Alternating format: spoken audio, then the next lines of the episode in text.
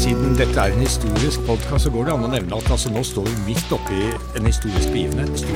Alle mennesker har vel møtt kunst, men de har ikke sett det. Du kan si at vikingen har blitt et globalt fenomen. Altså, hvor vanskeligere det klarer man så for seg, da. Det var sånn typisk sånn blue sky. Velkommen til Vestfoldmuseenes podkast Tidsfordriv. Gjennom Prideuka har vi fått høre en rekke personhistorier her i Tidsfordriv. De er fortalt for oss av forteller Charlotte Øster. Hei, Charlotte. Hei. Hvem er du? Jeg er uh, frilansforteller. Jeg bor på Nøtterøy. Jeg turnerer mye i Kulturell skolesekk og forteller i klasserom eller gymsaler, og også faktisk en del ute i skogen.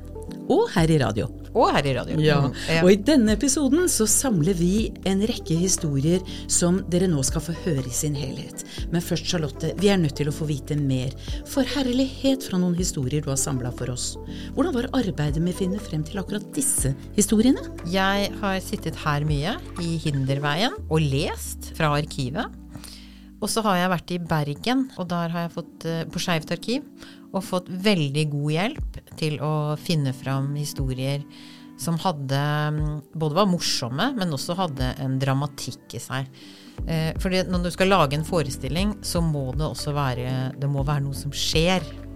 Eh, det må være liksom en viss dramatikk for at ja, at det skal være spennende å høre på. Ja, altså dette er jo levd liv. Dette er jo dramatisk nok i seg selv, og det at de har havnet i dette arkivet. For vi snakker altså om Pride-uka. ikke sant? Det er det som er fokuset vårt nå.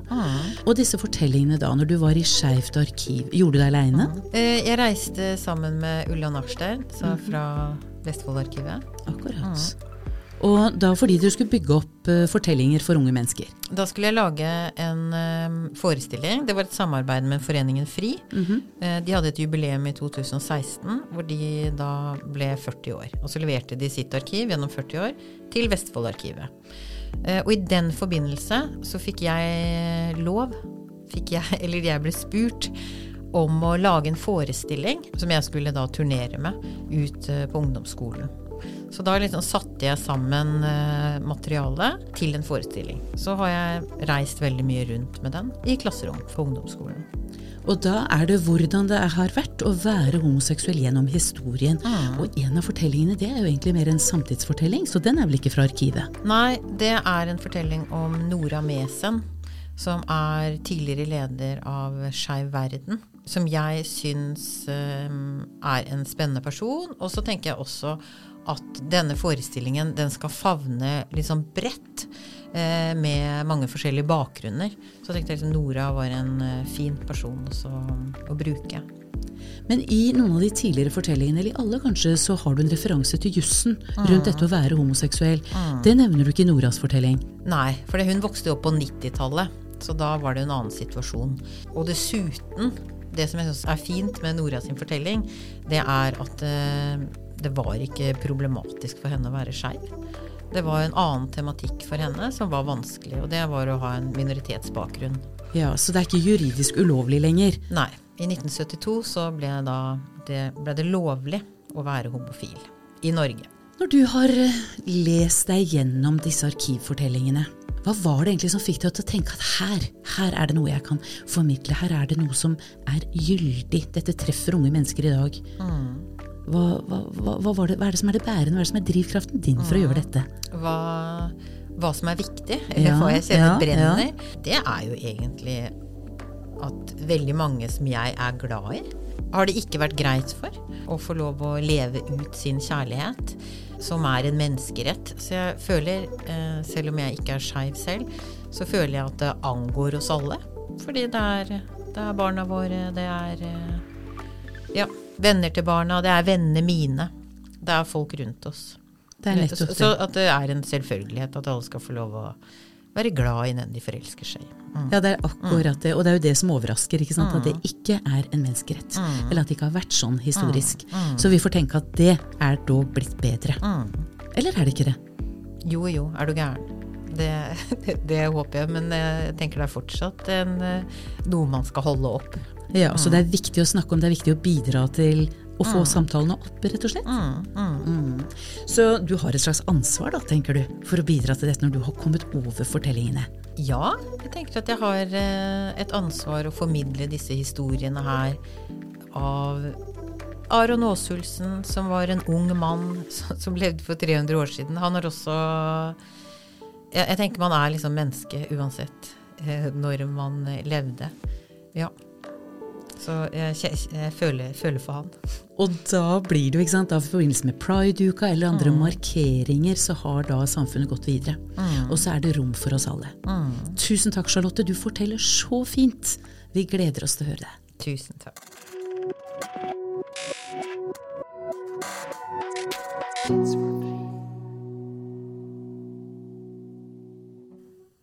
En klar novemberdag i 1981 så sto det et nydelig bryllup i vakre Strømsø kirke i Drammen. Det sto mellom den yndige Anne Kristine og den kjekke Jens. Pikenes Jens, faktisk. Fordi det sto i arkivet at Jens han var så vanvittig kjekk at det alltid hang en sånn hale av fnisende jenter etter ham. Så nå pustet presten eh, lettet ut over at Jens sin omgang med pikene, i hvert fall Anne Kristine, kunne foregå i sømmelige former. Og de var et nydelig par. Det står at Anne Kristine hun hadde langt korngult hår. Hun var født på en gård i Hedmarken, og nå jobbet hun som en flittig veverske på Strømsø veveri. Jens han sa selv at han var født på Gran i Hadeland. Og da begge foreldrene hans døde da han var tenåring, så ble han tvunget ut på tiggersti. Men så fikk han jobb som kusk. Han kjørte hest og vogn for en justisråd, og han justisråden han sa at Jens var den mest påpasselige, dugelige og flittige kusk han noensinne hadde hatt. Det står i arkivet at Jens hadde nydelig rødbrunt hår, brune øyne og et litt sånn skeivt smil som fikk jentene til å dåne. Og nå hadde dette vakre unge paret fått hverandre, og alt var bare lykke. Trodde folk. Inntil to år senere, som Anne Kristine kom gråtende til presten. Og mellom hulkene så fortalte hun at rett etter de hadde gifta seg, så hadde Jens kommet ravende full hjem. Og hun hadde klart å tatt mannen sin imot, lagt han ned på senga, dratt av han de skitne støvlene i buksa, og sett at hennes ektemann var en kvinne. Og denne grusomme hemmeligheten den hadde hun nå båret på i to år, og nå orket hun ikke mer. Han presten, han var i sjokk. Hvordan kunne det her ha skjedd foran hans øyne? Det var han som hadde viet dem, og han kjente Jens han, fra flere år tilbake. Jens ble pågrepet, sånn at ikke han skulle stikke av, og så skulle fem menn undersøke om det Anne Kristine hadde sagt var sant.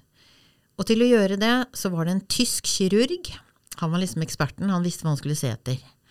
Og så var det lensmann, fogden og to rettsvitner. Og de tok Jens foran seg, holdt han fast, dro av han buksene. Og det var sant. Jens var en kvinne. Og selv om de nå hadde beviset, rett foran øynene sine, så sa Jens, mitt navn det er Jens Andersen, og helt siden jeg var liten så har mine foreldre kledd meg i gutteklær. Ja, men er du en mann, eller er du en kvinne? spurte lensmannen. Jeg tror jeg er begge deler, svarte Jens. Visste Anne Kristine om ditt kjønn da dere gifta dere? Ja, selvfølgelig. Ja, men hvorfor gifta du deg med Anne Kristine når du er en kvinne sånn som deg selv? Fordi jeg er glad i henne og ønsker henne å dele livet med, sa Jens. Verre enn det var det ikke, men det var ille nok for øvrigheta. Og Jens han ble kastet i arresten. Og mens han satt der og ventet på dom, så forsto de at den historien til Anne Kristine, den var ikke helt sann. Anne Kristine hun visste veldig godt hvem hun hadde gifta seg med, og hun var veldig glad i Jens, akkurat sånn som han var. Men så hadde Jens leid ut et rom i huset til en ung matros, og han hadde Anne Kristine også forelsket seg i, og nå var hun faktisk gravid med han, og kanskje hun ønsket å gifte seg på nytt. Men hvem var egentlig Jens? Det viste seg å være vanskelig å finne ut av. For etter hvert som de nå forhørte Jens, så begynte han nå å ljuge og forandre forklaring når han så at livet hans raknet. Så til slutt så tok presten, og så skrev han et brev til alle sognene hvor Jens hadde sagt at han var ifra. Og det ga resultater. For på Gran i Hadeland så sto det i kirkeboka at var Jens var født som Mari, som en av fire søsken. Og moren til Mari hun sa at helt siden Mari var liten, så hadde hun ønsket å gå i brødrene sine klær. Og Mari hadde blitt med faren sin på jobb og utført tungt arbeid til tross for at hun var en sped jente. Og da storebroren til Mari, Jens, døde i en arbeidsulykke, så tok Mari Jens sine klær, og så ikledde hun seg hans identitet, og så forlot hun bygda som Jense-Mari. Det var det de kalte henne. Men fra nå av så kalte hun seg selv bare for Jens. Dommen for å være sammen med noen av samme kjønn, det var dødsstraff. Men fordi lovene gjaldt bare menn, så visste ikke lensmannen hvilke lover i boka han skulle bruke for å dømme Jens. Så derfor så satt Jens fremdeles i arresten og ventet på dom, flere måneder senere, da presten kom med det triste budskapet om at Anne Kristine var funnet død. Hun hadde dødd i forsøket på å gjennomføre en abort på seg selv, og det står at hun ble funnet på det lille rommet hun leide, i ytterste armod, ribbet for alt av jordisk gods, og ikke engang penger til å betale for sin egen begravelse. Og da Jens fikk denne beskjeden om sin ektefelles død, så brøyt han fullstendig sammen. Og så skrev han et brev til fylkesmannen hvor det sto Jeg ser nå den elendighet som svever rundt meg på alle sider, og jeg angrer og beklager den skammelige og grusomme bedrift jeg har begått imot Gud og andre mennesker ved å feste meg til en brud som er som meg. Og så underskrev han som Mari Andersdatter. Og han tagg og ba om å få sin straff. Men da han ett og et halvt år senere fortsatt satt i arresten og ventet på dom, så rømte han natt til 3. mai. Og sist han ble sett, det var i skogene rundt omkring i Vestfold.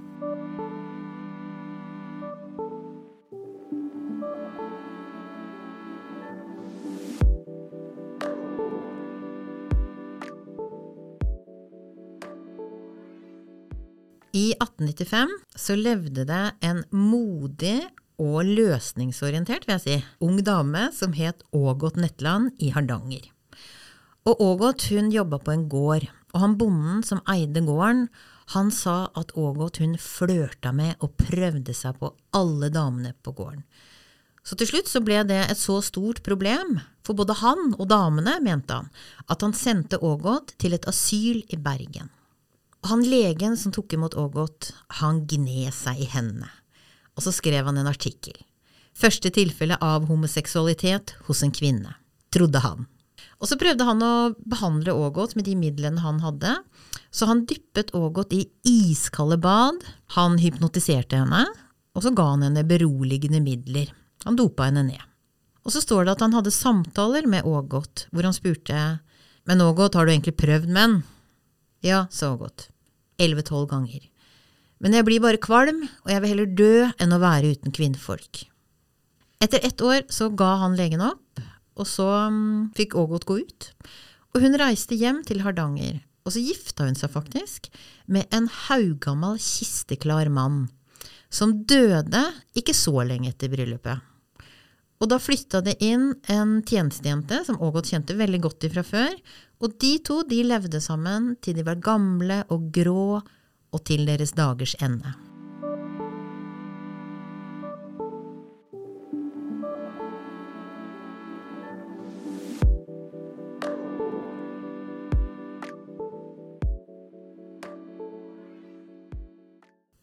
april 1847 så ble Ebbe Hertzberg født inn i en steinrik apotekerfamilie i Holmestrand.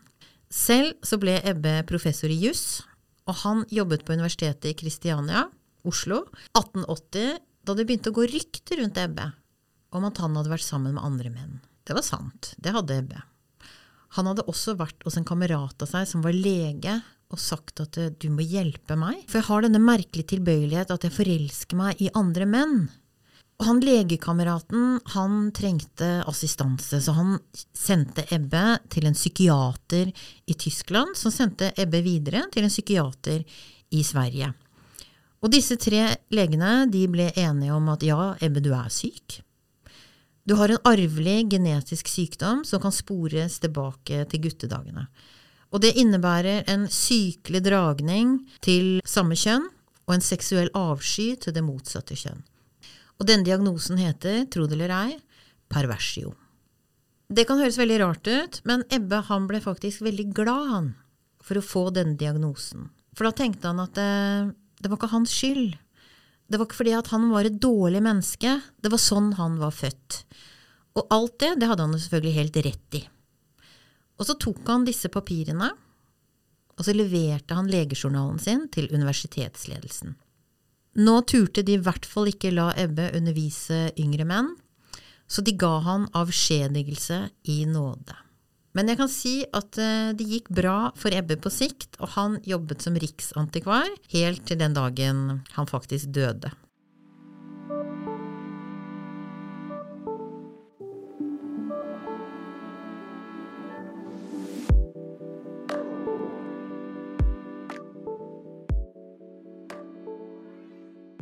For noen år siden så møtte jeg Nora på en kafé på Tøyen i Oslo. Og Nora hun vokste opp i Stokke i Vestfold. Og da hun var liten, så pleide voksne folk å komme bort til Nora og spørre Du Nora, hvor kommer du ifra? Jeg kommer ifra Stokke, sa Nora. Ja, men hvor kommer du fra? Nei, jeg kommer ifra Stokke sentrum, da.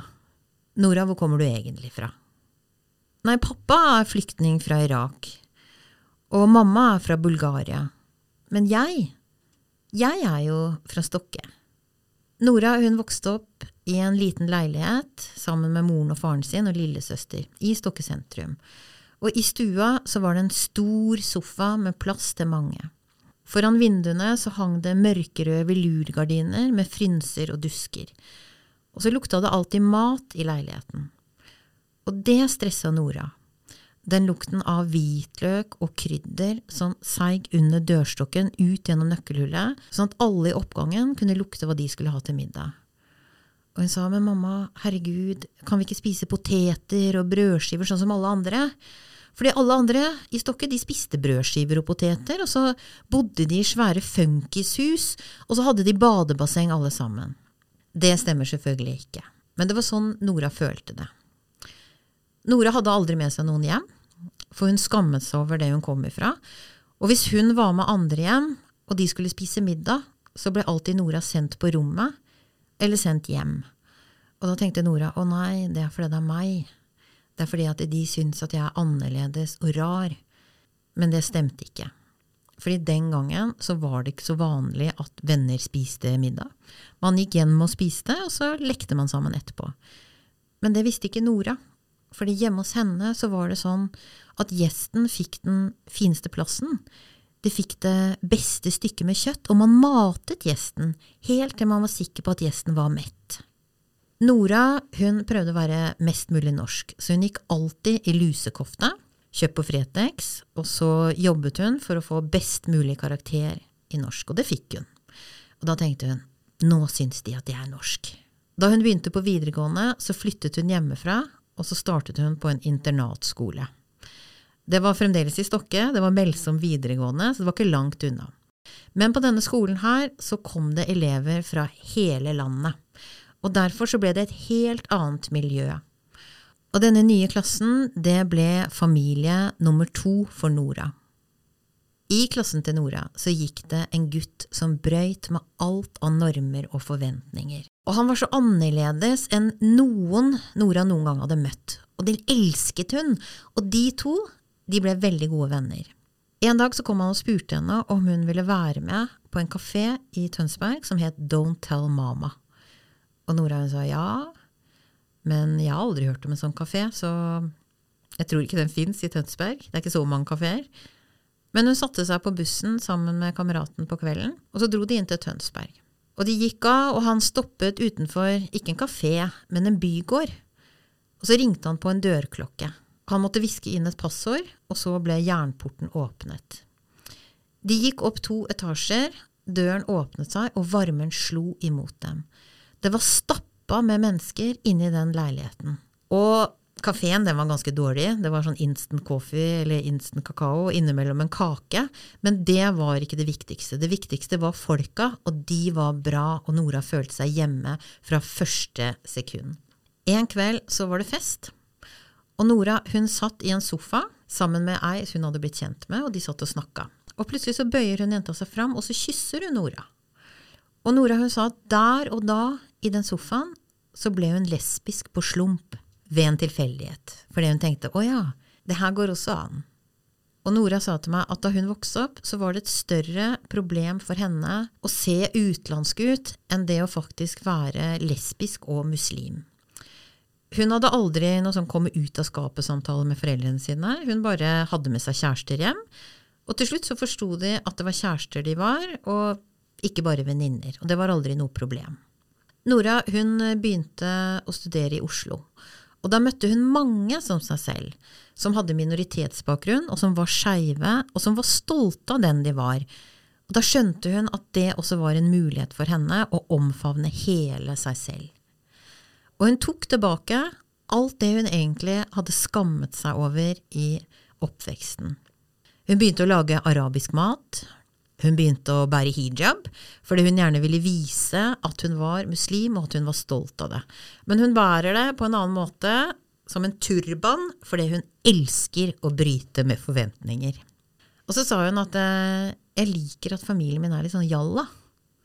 Og så sa jeg hva mener du med jalla? Nei, jeg mener at liksom, ting er ikke så nøye, det er ikke så farlig. Hvis eh, bildøra til faren min går i stykker, og han ikke klarer å reparere den, så bare teiper han den igjen med gaffateip. Og hvis ikke det funker, så har han mange kamerater han kan ringe. Vi er aldri alene i min kultur. Vi passer på hverandre.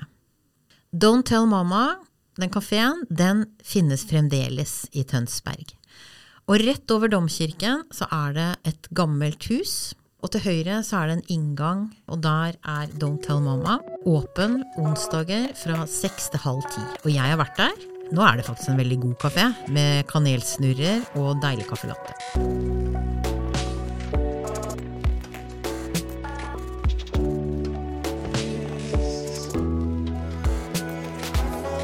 Tidsfordriv er en podkast fra Vestfoldmuseene og er laget av produsent Susann Melleby, lydtekniker Jon Anders Øyrud Bjerva og meg, Ellen Asplin. Ønsker du å kontakte oss? Send en e-post til kommunikasjon vestfoldmuseene.no.